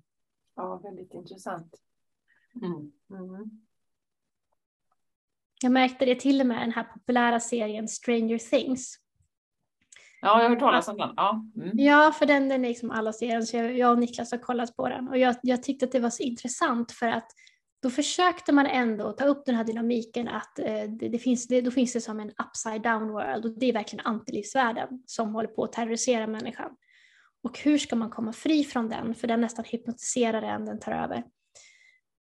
Då vill de typ säga att man måste koppla sig till den högre energin för att komma ur dess grepp. Men de kan inte det, så istället är det du får lyssna på någon bra musik. Bra musik gör att du... Jag tänkte, men kom igen nu! Varför kan vi inte ta upp dessa begrepp? Och sen så reagerar jag alltid typ på svensk television om vi ska prata om religion eller något andligt, då är det alltid någon gammal gudstjänst eller någonting. Ja. Visst. Alternativt någon som bara jagar spöken, men det är aldrig något annat. Det är inget seriöst. Nej, absolut. Ja, det är absolut. spännande. Mm. Mm. Var du som hade ja. med det? Ja. Ja, vi har ju varit inne lite på det, men, men eh, vi har berört det, eh, Susanne. Men du, du talar ju sällan om onda och goda människor och handlingar, utan mer om insidan och utsidan. Eh, kan du expandera lite på det? Vi har ju berört det nu här. Mm, men, ganska mycket faktiskt. Vi skulle Nej, kunna... Här... Ja. Ja. jag, jag skrev, vi skulle kunna baka ihop det om du, med nästa fråga här, för att det är ju faktiskt vad varje enskild person kan göra för att ta sig igenom den här processen som vi går igenom. Du har ju berört det, men jag tycker det är fint att börja av, att vi liksom avrundar med det fokuset då och inte de här detaljerna som vi ändå tyckte var lite spännande att dippa tårna i. Så eh, ja, vad kan varje enskild person göra egentligen nu mm. för att ta sig igenom den här processen som vi går igenom på ett eh, ja, på ett bra sätt. på, ett, på ett humant sätt. På ja, ett humant sätt. sätt. Ja, vi får säga det. Så man inte behöver skämmas över sig själv när man kollar på uppifrån. Åh nej, vad pinsamt. Eh, ja, om, om man liksom så glad som möjligt vill ta sig igenom denna process eh, så ska man eh, givetvis eh, arbeta med sig själv och inte det här tradiga arbetet med sig själv utan man ska verkligen se över sin genuina respons i allting. Alltså jag, jag kommer alltid tillbaka till det här, bejaka dig själv, bejaka dig själv, bejaka dig själv. Undersök dina egna tankar. Det vill säga, om du fortfarande på Facebook och postar allting som är eh, fel i samhället och ska upplysa människor, då brukar jag alltid säga, okej, okay, älskar du andra människor? Det här med varför skriver du inte, hur var din dag idag? För att det utsidan vill göra, det är att få dig att separera. Mm. Och om du skiter i den separationen, då förlorar de och du vinner. För du ska ju hem, du ska ju till ett tillhörande med allting. Så att om du vägrar separationen, för utsidan kommer göra allting för att få dig att bråka. Kommer göra allting för att få dig att vara rädd så du undviker andra, eller rädd så att du attackerar andra. Kärleken överkommer det. Kärleken har inte denna begränsning överhuvudtaget och den kan inte göra någonting alls mot kärleken förutom att försöka förinta den. Varav jag nästan aldrig ser någon kärlekshistoria på filmer längre. Inte någonting som berör mig som äldre film gjorde. Så att när man väl känner till det knepet och man har den här konversationen med sig själv, man vet var man själv står, man kommer inte gå in i det här, då kan man välja själv. Man vet att man spelar med i deras spel när man temporärt blir sur, arg, besviken, eh, rädd. Men man vet också att man kan vända det. Vända det till kärlek istället. Och då har den ingenting, då kan den inte göra någonting, då går det på vatten så att säga. Så det är egentligen the whole thing. Det, det, det, det är grunden till allting. Utsidan kommer försöka ta ifrån dig dig själv, kommer försöka splittra och separera. Den skiter i om någon här har kommit fram till svaret så att den går och attackerar utsidan eller gör någonting för att den får fortfarande vad den vill. Men den kan inte göra någonting om du frågar hur var din dag idag? Men ni ska inte vara sams. Det ska ni inte vara. Allting för att ni inte ska vara sams. Ja, Då får den panik. Ja. Och jag har också sagt att grunden i varje relation är att inte vara rädd. Så att har man problem med sin familj, sina barn, man är rädd för deras val, kom ihåg, man ska aldrig vara rädd i en relation. Så fort du är rädd i ditt relaterande till någon så kommer du försöka kontrollera dem på ett eller annat sätt. Men lycka är att kunna känna kärlek och acceptans, tålamod, förståelse oavsett vad. Att ge den andra sin fulla möjlighet att utvecklas så som den behöver göra och älska den i den processen, vilka val den än gör. Då har du segrat. Då har du överkommit det här hindret. Men det finns inga lösningar på planet under. Där finns det inga lösningar. Där finns det bara ett hoppande i panik hit och hit. Så mm. det är att hitta tillbaka till det och förstå vad det innebär. Det är inte en loser-attityd att gå omkring och älska. Det gör dig inte svag för att du inte attackerar. Det är inte så att åh, jag vågar inte gå till attack så därför älskar jag istället. Nej, nej, nej. Det är betydligt svårare att älska. Men det make a whole lot of more sense när man kan göra det. Då märker man det själv. Det är väldigt praktiskt. Man märker det med samma själv vad som händer. Mm. Det, det, är en sån jätteviktig grej den, Susanne, just det här du säger om att tänka på det jag säger nu och det jag lägger fram, leder det till separation eller leder det till gemenskap och kärlek? Den är jätteviktig mm. och det är också någonting som, som den här processen eh, lärde mig mycket under den här tiden. Att faktiskt inte, och, och att släppa dömandet och så. Mm. Så att eh, ja, den, den, är, den, är, den är viktig den delen. Mm. Så, så, även om man liksom tycker att någonting är rätt så, så banka inte det i huvudet på någon för då, då blir det en separation. Nej exakt och, och jag vet att det är så lätt att gå, gå till den här grejen att du har fel, jag har rätt och sen så mår man mycket bättre. Eh, det, det, är den naturliga dragning alla här kommer ha, därav är vi här. Mm. Men det är inte rätt väg. Inte om du vill komma ut ur den här jippot, inte om du vill bli lycklig, inte om du vill vakna upp så är det inte rätt väg. För ditt, ditt hjärta håller absolut inte med dig, den tycker att du är helt knäpp. Mm, mm. Den, den, sitter så här liksom. Ja. Skämselmössan på. Och ja. vi, egentligen så skäms vi ju alltid när vi lär ut på någon. Vi vet ju på något sätt att det inte är rätt. Vi skulle ju inte säga det till en annan människas ansikte och verkligen mena det och sen känna att vi var jättestolta över oss själva och gå och klappa en hundvalp. Vi vet ju på något sätt att det aldrig är rätt att föra ut över en annan människa. Mm, mm, eh, och det, det, det, är utmanande när vi sätter oss över en annan människa och tycker att någon är korkad eller när vi blir eh, riktigt rädd för en annan människa. Och, och som utsidan beter sig så kan vi bli riktigt rädd för den eftersom den aktivt känner vi saboterar för oss. För att om en annan människa är hostil eller otrevlig när du försöker vara dig själv, då upplever du det som ett hot och du går igång som att det vore ett hot. Snart dyker kniven upp liksom. Mm. Eh, och det här är ett problem, att vi blir rädda för varandra mm. istället för att om vi kunde räcka ut kärlek till en sån person istället och ha förståelse, då blir vi inte rädda för det längre, då har vi bara förståelse att den är en process, vilket svänger om dynamiken helt och också skapar förutsättningarna för en annan relation. Så det går att göra saker annorlunda. Det går att överkomma våra mindre jag som bara egentligen vill, vill kriga. Du är dum! Och slå i huvudet och slå tillbaka. Liksom. Sen blir man jättesur om den andra får in mer slag. Ja. Egentligen leder det ingenstans, för den andra kommer inte gilla dig efter det. Jag vann, okej, Nej. det var jättekul Nej. för din personliga skull, men vad fick, vad fick vi ut av det här? Vad lärde vi oss? Mm. Så egentligen så vet alla bättre. Ja. Det brukar jag säga, i slutändan av dagen, det är en samvetsfråga. Jag säger inte att alla ska, måste nu gå ut och älska alla eller någonting, men jag säger bara att man väljer själv vilket tempo och takt som man vill lära sig allting i, men man kan vara medveten om detta och vara medveten om att man har det valet. Man kan tänka till en gång extra Mm. och någon speciell dag så kan man testa den här kärleksgrejen istället för ens vanliga reaktion och bara se hur man mår efter det. Så Mm. får man faktiskt en chans att känna sig fram Mm. om man själv vill. Mm. Mm. Mycket bra. Ja, och det är så intressant det här med separation för att under den här processen de här senaste åren så har ju vi gått igenom olika, både på podden när vi har bidragit till separation kan jag ju se nu i efterhand, eh, och jag själv eh, på sociala medier och så. Eh, men det har ebbat ut lite de senaste månaderna här efter sommaren har jag liksom nästan släppt det. Och det är så intressant att du säger det Susanne, att det, att det faktiskt har ju bidragit till separation. Men var väl också en nödvändig process då för att man ska se det. Att shit, det var viktigt för mig att berätta vad jag tyckte då. Men nu är det inte viktigt längre. För nu har vi kommit mycket närmare oss själva och våra hjärtan och, och liksom, nu, nu behöver vi inte det längre och vi behöver inte utsidan överhuvudtaget. Eh, så det är jätteintressant att liksom följa det bakåt och gå in och lyssna på någon podd där från mars 2020. Study example. Jajamän! Nej, men det är jättebra för då kan man följa faktiskt sin egen progress. Kanske har man gjort de här små ändringarna utan att ens tänka på det. Mm, Men det enda jag vet liksom att det är att det löser allting och ensam kan ingen bråka.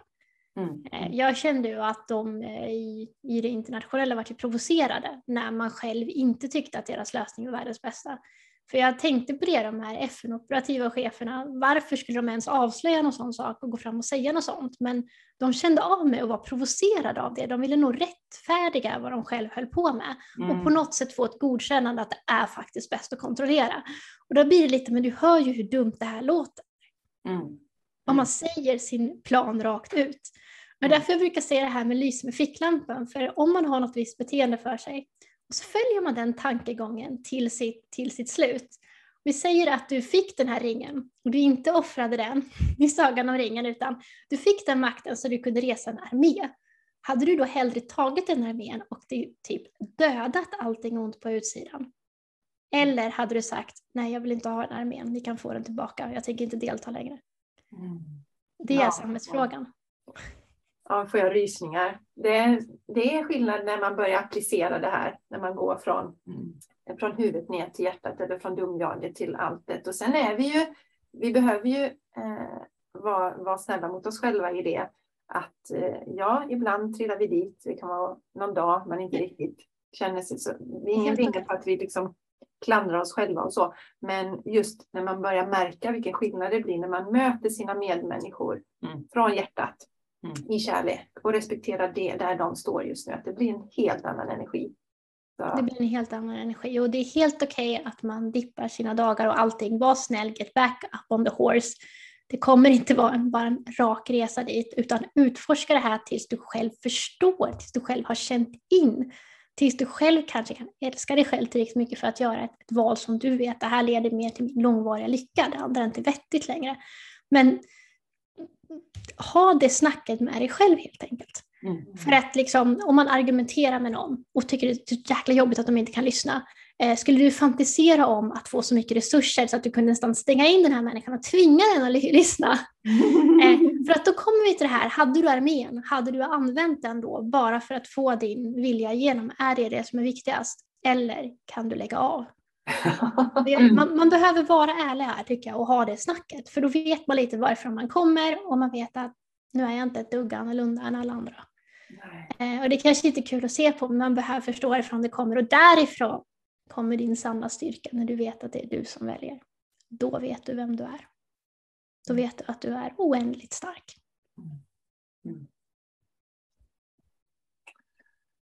Ja, Ja, Ja, vad säger man på det? ja, vad säger man på det? Den, den landar. Ja, vi tänkte vi skulle titta på lite andra saker. Vi- Vill du ställa den, Jenny, där, den frågan där? Ja. Ehm, ja, Eh, jo, det var lite, nu jag börjar ju komma i slutet, men i, vi vet ju att du och din sambo Niklas har kuskat runt och ni har haft workshops och eh, lite olika saker.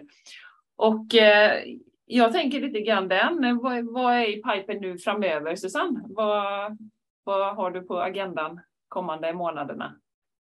Agenda har blivit ett så himla negativt ord. Ja. Nej, vad har vi för planer? Um, ja, planen är att vi kommer ha en stor eh, liveshow den 30 ja. oktober. Eh, och det är liksom bara för att vi har haft den här diskussionen så länge att Niklas har alltid varit eh, så fascinerad av att, att liksom verkligen luska ut allting på utsidan. Han vill verkligen ha upp varenda svar. Han vill bara att alla svar ska komma upp till bordet.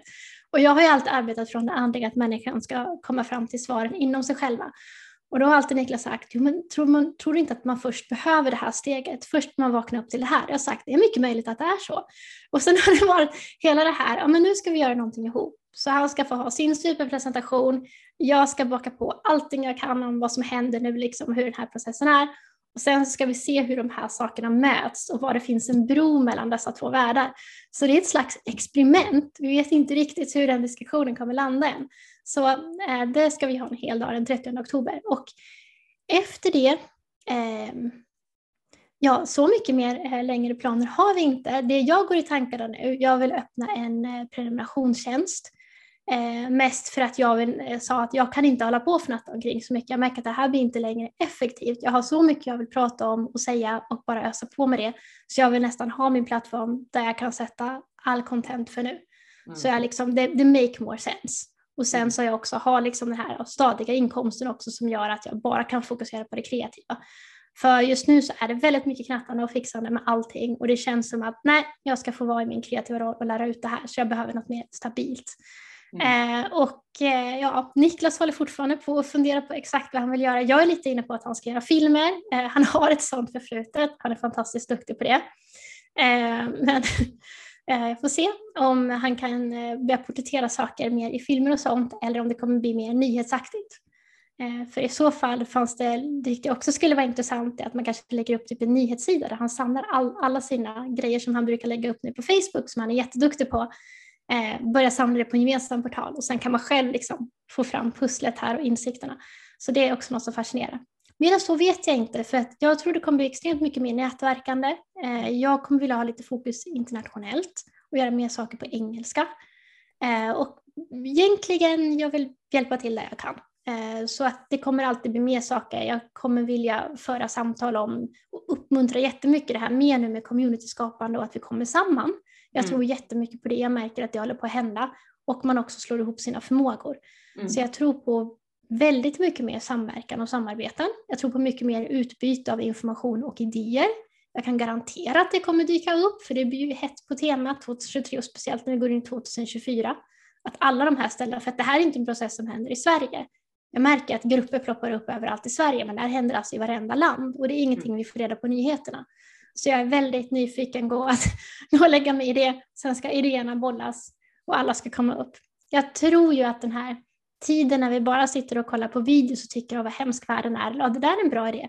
Att det, det, det är ord till handling nu i det mm. att mm. den här börjar födas inifrån varje människa. Det kommer bli en fantastisk tid framöver för alla. Mm. Alla kommer ha ja. ett enormt intressant liv nu för att hålla på att vakna upp. Den här platsen håller på att upphör. Och ju mer du vaknar upp, desto mer i kontakt kommer du med alla andra. Så det är nästan omöjligt att planera någon slags linjär grej. Sen händer det där och sen händer det här. För det kommer vara en helt annan speed och tempo. Mm. Så öppna upp er för alla möjligheter och det, det, är så jag lever nu också. Så jag har faktiskt inte en aning om vad som kommer hända. Det här är mina planer nu, men om någonting mm. dyker upp om några veckor som jag tänker oj, bär iväg åt det hållet. Ja följa hjärtat. Så jag, brukar säga det att eh, jag har ingen aning om vad jag gör om fem år, men jag vet att jag gör någonting som, som känns passionerat och härligt. Och, eh, ja, garanterat. Ja, och, och den här liksom, verkligen det här när vi sammanpressade som jag eh, som känner som vi har gjort de här senaste åren, som verkligen känner att nu är mitt fokus, det är bara att fokusera på att hjälpa människor, lyfta människor och mm. allt annat försvinner. Mm. Så det känns som att lite som du sa, vi hittar tillbaka till oss själva. Vi blir ännu mer fokuserade. Vi har, ja. gjort oss verkligen fokuserade. Mm. Det här är målet. Och också det här att man attraherar, man drar till sig människor som ja. har samma liknande uppdrag. Mm. Så att det är, det är mycket spännande tider. Mm. Ja, syftet tar hand om sig själv. Ja. Det betyder att när man gör det man kom hit för att göra, då fixar sig resten av sig själv. Ja. Enda anledningen varför man stannar upp till det man har tänkt att göra, det är ju för ens egen tvivel. Och nej, inte går det här, inte kan jag. Men så fort man vill och är kreativ i det, då löser sig ju det. Mm. Mm. Exakt så. M- Mycket bra. Ja. Så vill man bara någonting så faller saker och ting på plats Ja. på det runt omkring. Eh, eh, ja, Susanne, om man nu vill gå eller vara med på det här eh, eventet den 30 oktober, hur gör man det? Och vad, om man vill följa dig och ditt arbete, var hittar man dig just nu? Just nu! Här är jag just nu. Nej. Ja. Eh, jag, jag, är ju, jag är ju, tänkte jag säga, världssämst på sociala medier överlag. Eh, jag har ju ett nyhetsbrev och en mejllista som jag brukar dra iväg vad som händer. Ibland är jag bra på att lägga upp saker på min hemsida. Nu håller jag på att skapa en ny hemsida för jag är intresserad av att lägga upp en plattform för prenumerationstjänst. Och där ska det finnas ett gemensamt forum också så alla kan börja prata ihop sig och hitta varandra. Och, eh, så då kommer det kanske bli mer aktivitet där. Vad gäller eventet den 30 oktober så finns det på Biletto. Jag vet inte om man kan lägga ner en länk här, annars får man bara eh, gå in på Men vi, kommer, vi, vi skickar de länkarna till oss Susanne så, Mm, så, så delar vi länkarna sen. Ja. Eh, men, och För sen Annars är det, det vanligt enkelt. Gå in på Biletto och sen är det nog bara att söka på våra namn. Så ska ja, det. Biletto, Biletto alltså, heter Mm. tjänsten. Ja, det kan man hitta. Nej, och sen nu nämnde du inte det, men du har ju eh, för, för er som är helt nya för Susanne, och, så kolla gärna in hennes eh, Youtube-kanal, Light Ja. Heter den, glömde du nästan. En liten detalj. Ja, en liten detalj. För, eh, där har du ju mycket bra och där har du både på engelska och svenska. Du har två kanaler hade du ett tag i alla fall. Exakt, i början ville jag börja på engelska. Det var ju faktiskt Niklas som fick mig, men han, du måste göra det på svenska. Annars hade det kanske inte blivit på svenska. Så jag är glad att jag börjar med det. Och nu Ja. kanske det kommer gå över snart till engelska igen, men det finns en hel del videos där att kolla på. Ja, men det, känns som, det känns som fint att du vill samla allting för du sitter ju på mycket, mycket bra kunskap och, och ger många av oss nycklar. Så att eh, om du liksom kan jobba fokuserat med det och ändå nå ut till folk så det låter fantastiskt roligt. Och det är väldigt kreativt, man ser ju dina videor. Jag vet inte om det är du som gör videor. Jag gör dem. Ja, de är, de är också så här, vi, vi, pratade lite om det eh, på förra, förra podden när vi pratade om att du skulle vara med här Susanna. Alltså du känns ju liksom lite utomjordig i di- ditt sätt att vara och du pratar ofta om att liksom, ja, men här nere och så där och ni så utan att du distanserar dig. Men det är liksom och, och så när man tittar på dina videor, de är liksom så här, det här är något helt annat, det kommer från något annat än härifrån jorden, känner jag. Ja, det där, det där är nog också min ständiga fråga. Hur jag ska uttrycka mig själv, apropå att man ska vara sig själv och bejaka sig själv naturligt. Eh, jag känner också att jag hoppar mellan eh, två personligheter, absolut. Eh, jag kan vara liksom, när jag jobbar och bara är det där, då, då glömmer jag bort typ att jag är här. Alltså då, då kommer jag med ner, liksom, Åh, det här ska vi göra, liksom, det här funkar, och där uppifrån gör vi så här, hur gör ni här nere? Då kommer jag liksom, här, här är podden från skeppet. Alltså då, då blir jag den personen. Och sen så kan jag, kan jag komma ner liksom här, men här är Susanne, liksom, här har jag ett personnummer här, här utgår jag från det här. Och då Mm. går jag mer in i min analytiska del. Så jag, jag känner ju själv liksom att det här är jätteknäppt. Liksom. Kan jag inte bara få vara liksom som en här? Men det känns verkligen, och jag tror att många känner av likadant, Mm. att man Yes. har en egenskap av att känna in sig själv och känna sig hemma där. Mm. Samtidigt som man försöker liksom, hålla sig här och bete sig liksom något. Jag tror och hoppas att det här kommer merga mer och mer. Liksom. För Ja, det är en jäkligt snurrig grej. Ja. För att liksom, ingen är härifrån. Så att det, det är liksom hur man än vill lägga upp det. Ja, var, det, var det inte du, sa inte du någon gång om, om vi hade sett liksom hur vi såg ut egentligen så Ja, är det på, som det där fiket i Starbucks va? det, är det. är jätteknäppt där nere att det är så många olika blandade folk här. Ibland så när jag kollar på dem tänker jag bara, vad sjutton gör du här? Alltså, liksom, alltså hur hittar du ens hit? alltså, Har du karta eller GPS eller? Ja, men det är som skvallerexpressen måste det vara vilka som skulle komma till den här platsen och hjälpa till. För vissa är liksom verkligen alltså så himla exotiska här. Och så att det hade varit kul att om alla kommer hit i sin normala form så hade det sett otroligt roligt ut. För det här är ju inte normalt, att det är så här många olika blandade grupper här samtidigt. Det är ju inte normalt. Det kan jag aldrig tänka mig. ja, det är så härligt, det varit fantastiskt roligt att prata med dig Susanne. Är det någonting du skulle vilja säga eh, som du känner att du eh, liksom hade velat säga idag som inte du har fått säga? Eh, nej, egentligen inte. Det, det, är att det viktigaste det är att vara medveten i sig själv. När man gör de här besluten i sitt liv, när man gör de här valen i sitt liv, när man undrar hur man ska agera idag, vad fokuset ska vara. Gå in i den här, påminna igen om, om kärlek kontra separation och mm. börja verkligen kika på det. Så jag känner alltid att det viktigaste jag har att säga det är om vem du är. Och när du förstår att du är ansvarig för all din respons och du bestämmer över allting, ingen kan någonsin komma åt dig och hota dig eller göra någonting. Du bestämmer allting du själv väljer att ta in i ditt liv. Mm. Det, är, det är där jag vill lägga fokuset. Resten får vara kuriosa. Ja. Ja, så fint. Tusen tack. Ja, det har varit så spännande Susanne. Vi skulle kunna köra en 7-8 timmar till. men, eh, men vi ska avrunda här eh, och eh, tackar så jättemycket för din tid. Alltså, det har varit fantastiskt. Mm.